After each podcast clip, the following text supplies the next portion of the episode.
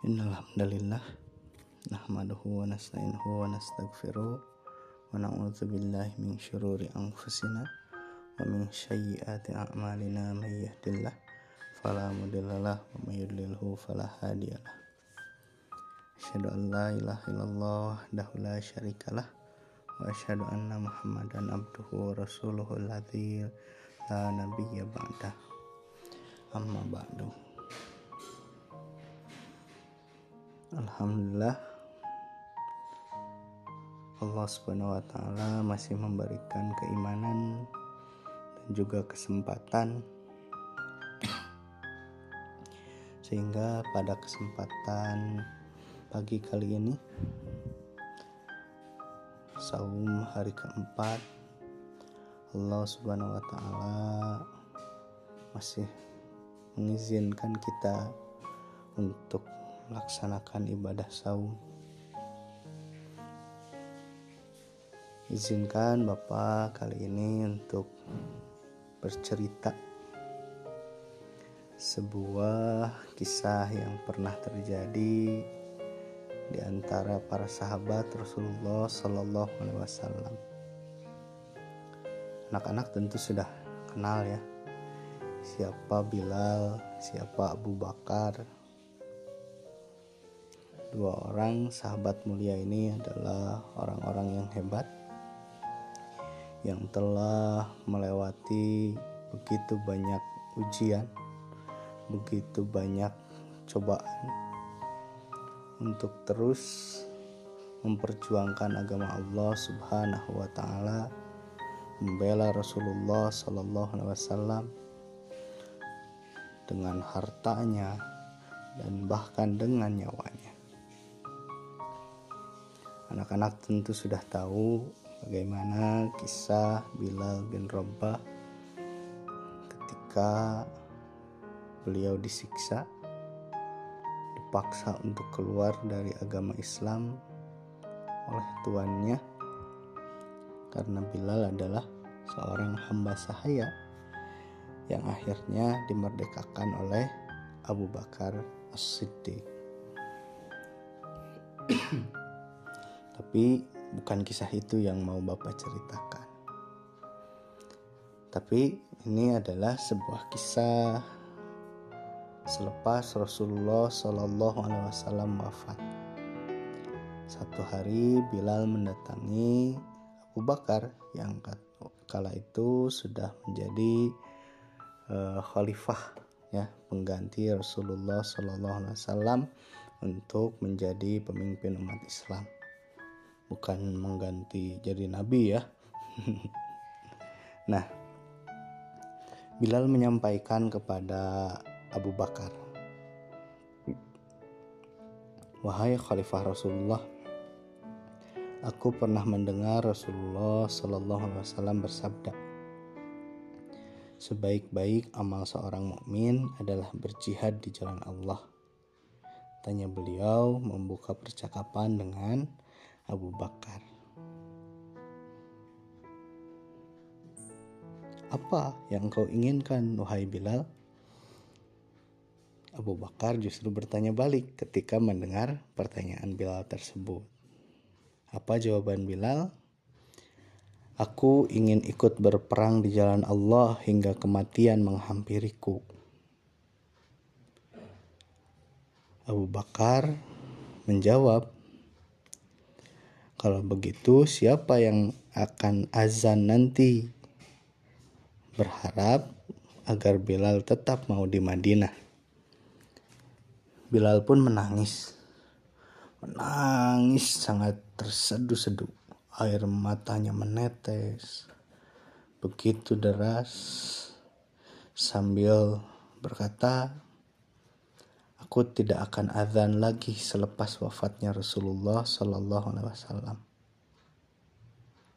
Tapi Abu Bakar bersikeras, tetaplah menetap di sini wahai Bilal, kumandangkan kembali azan. Kemudian Bilal menyampaikan sesuatu yang sangat luar biasa. Apa ucapan Bilal? Jika engkau dulu membebaskan aku dari perbudakan hamba sahaya, agar aku dapat menjadi budakmu, maka aku akan melakukan apa yang engkau inginkan. Tapi, jika engkau membebaskan aku dari perbudakan karena Allah, maka biarkanlah aku pergi. Itu jawaban Bilal. Mengingat kembali kisah yang tadi ya, potongan kisah kecil yang Bapak sampaikan di awal. Bilal ini pernah dimerdekakan oleh Abu Bakar. Tapi ya inilah luar biasanya. Kita simak apa jawaban dari Abu Bakar setelah mendengar ucapan Bilal tersebut. Wahai Bilal, kata Abu Bakar, aku membebaskanmu dari perbudakan karena Allah. Sekarang pergilah ke mana pun engkau menginginkannya. Tidak ada kesombongan, tidak ada keangkuhan dari seorang khalifah Rasul dari seorang sahabat yang sangat dihormati, dari orang yang pernah memberikan jasa yang begitu besar kepada Bilal bin Rabah. Akhirnya Bilal pun berangkat menuju Syam dan menetap di sana untuk menjaga perbatasan dan berjuang di jalan Allah. Jadi di antara uh, apa jihad uh, jihad di jalan Allah itu dulu menjaga perbatasan. Ya sekarang juga sama ya. Eh, tentara-tentara kita yang menjaga perbatasan negara ini orang-orang yang ya langsung atau tidak langsung sedang berjihad di jalan Allah juga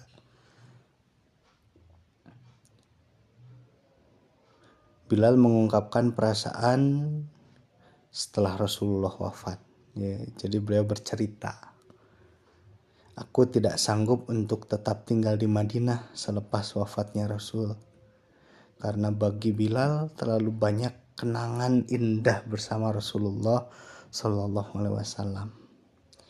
Ini bukti saking cintanya ya Bilal kepada Rasul sampai ketika Rasulullah wafat yang terbayang adalah semua kenangan-kenangan indah bersama Rasulullah semua kenangan-kenangan pahit yang akhirnya ketika dikenang menjadi sangat indah antara Bilal dengan Rasulullah Sallallahu Alaihi Wasallam. Bilal tidak pernah bisa melantunkan azan. Kenapa? Suaranya selalu seperti tersedak ya. Hilang, tidak bisa keluar suaranya ketika sampai pada kalimat asyhadu anna Muhammadan Rasulullah. Air matanya berlinang.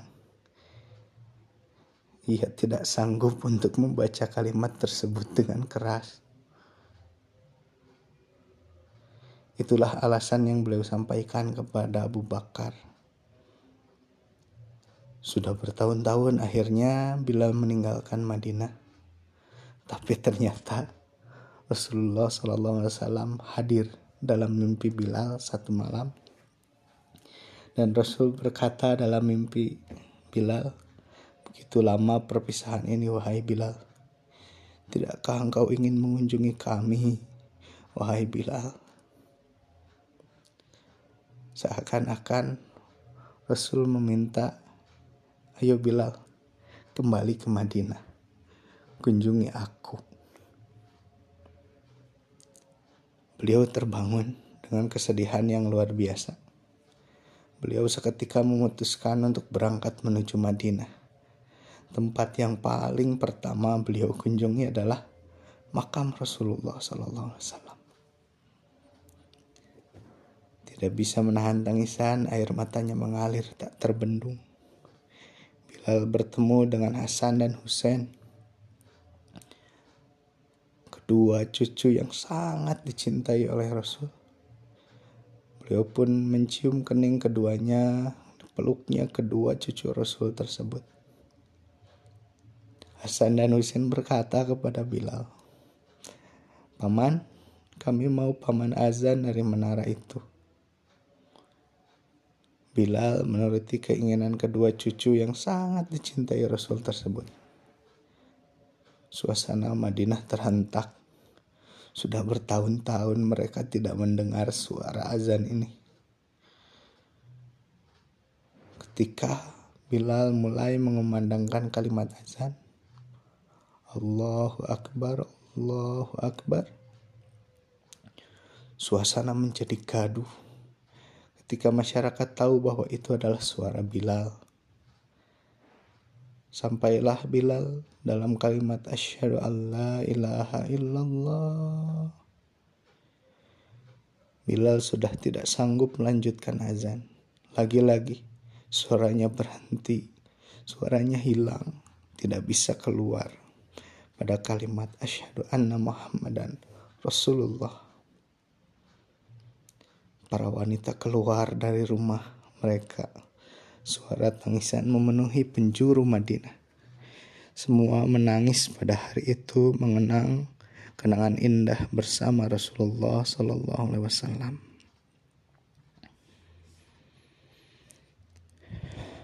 Lama waktu berlalu saat Umar bin Khattab Amirul Mukminin berkunjung ke Syam. Bilal kembali tentu saja ke Syam tidak sanggup berlama-lama di Madinah. Nah, waktu Umar bin Khattab berkunjung ke Syam, kaum muslimin di sana meminta kepada Umar agar Bilal mengumandangkan azan untuk mereka. Umar pun memenuhi permintaan itu dan meminta kepada Bilal untuk mengumandangkan azan. Bilal pun menaiki menara untuk azan. Menuruti keinginan kaum muslimin dan juga permintaan sang khalifah Amirul Mukminin Umar bin Khattab. Suara penuh kenangan itu kembali terdengar oleh para sahabat yang kini banyak menetap di Syam. Mereka menangis seolah Rasulullah ada di tengah mereka. Tangisan penuh kerinduan, tangisan yang tidak pernah ada sebelumnya. Saat Bilal dalam kondisi sakaratul maut, Sang istri menangis di sampingnya. Tapi apa yang Bila sampaikan? Wahai istriku, tidak perlu menangis. Karena besok aku akan bertemu dengan sang kekasih. Baginda Nabi dan para sahabat yang telah mendahului kita semua. Pinta Bilal kepada istrinya. Mari kita manfaatkan bulan Ramadan ini untuk terus memperbaiki diri, menghadirkan cinta-cinta yang benar, cinta-cinta yang tepat, dan salah satu kecintaan yang seharusnya selayaknya kita berikan adalah cinta kita kepada Rasulullah Sallallahu Alaihi Wasallam. Ini satu kisah sederhana, semoga menjadi inspirasi bagi anak-anak semua Semoga kita menjadi generasi yang mencintai Rasulnya dan juga tentu saja mencintai Allah Subhanahu wa taala. Sekian dari Bapak untuk pagi kali ini. Semoga anak-anak mendapatkan manfaat dari kisah yang Bapak bacakan uh, pagi kali ini. Semoga kita sekali lagi menjadi generasi-generasi yang lebih baik cinta kepada Rasulnya dan cinta tentu saja butuh pembuktian dan bukti cinta kita kepada Rasul adalah meneladani akhlak beliau dan juga mengikuti semua ajaran dan menjauhi semua larangan yang pernah disampaikan oleh Rasulullah Shallallahu Alaihi Wasallam. Kita tutup dengan doa, Rabbana hablana min azwajina wa dzurriyyatina qurrata a'yun waj'alna lil muttaqina imama. Rabbana atina fid dunya hasanah wa fil akhirati hasanah wa qina adzabannar. Aqulu qawli hadza wa astaghfirullah li wa lakum. Wassalamualaikum warahmatullahi wabarakatuh.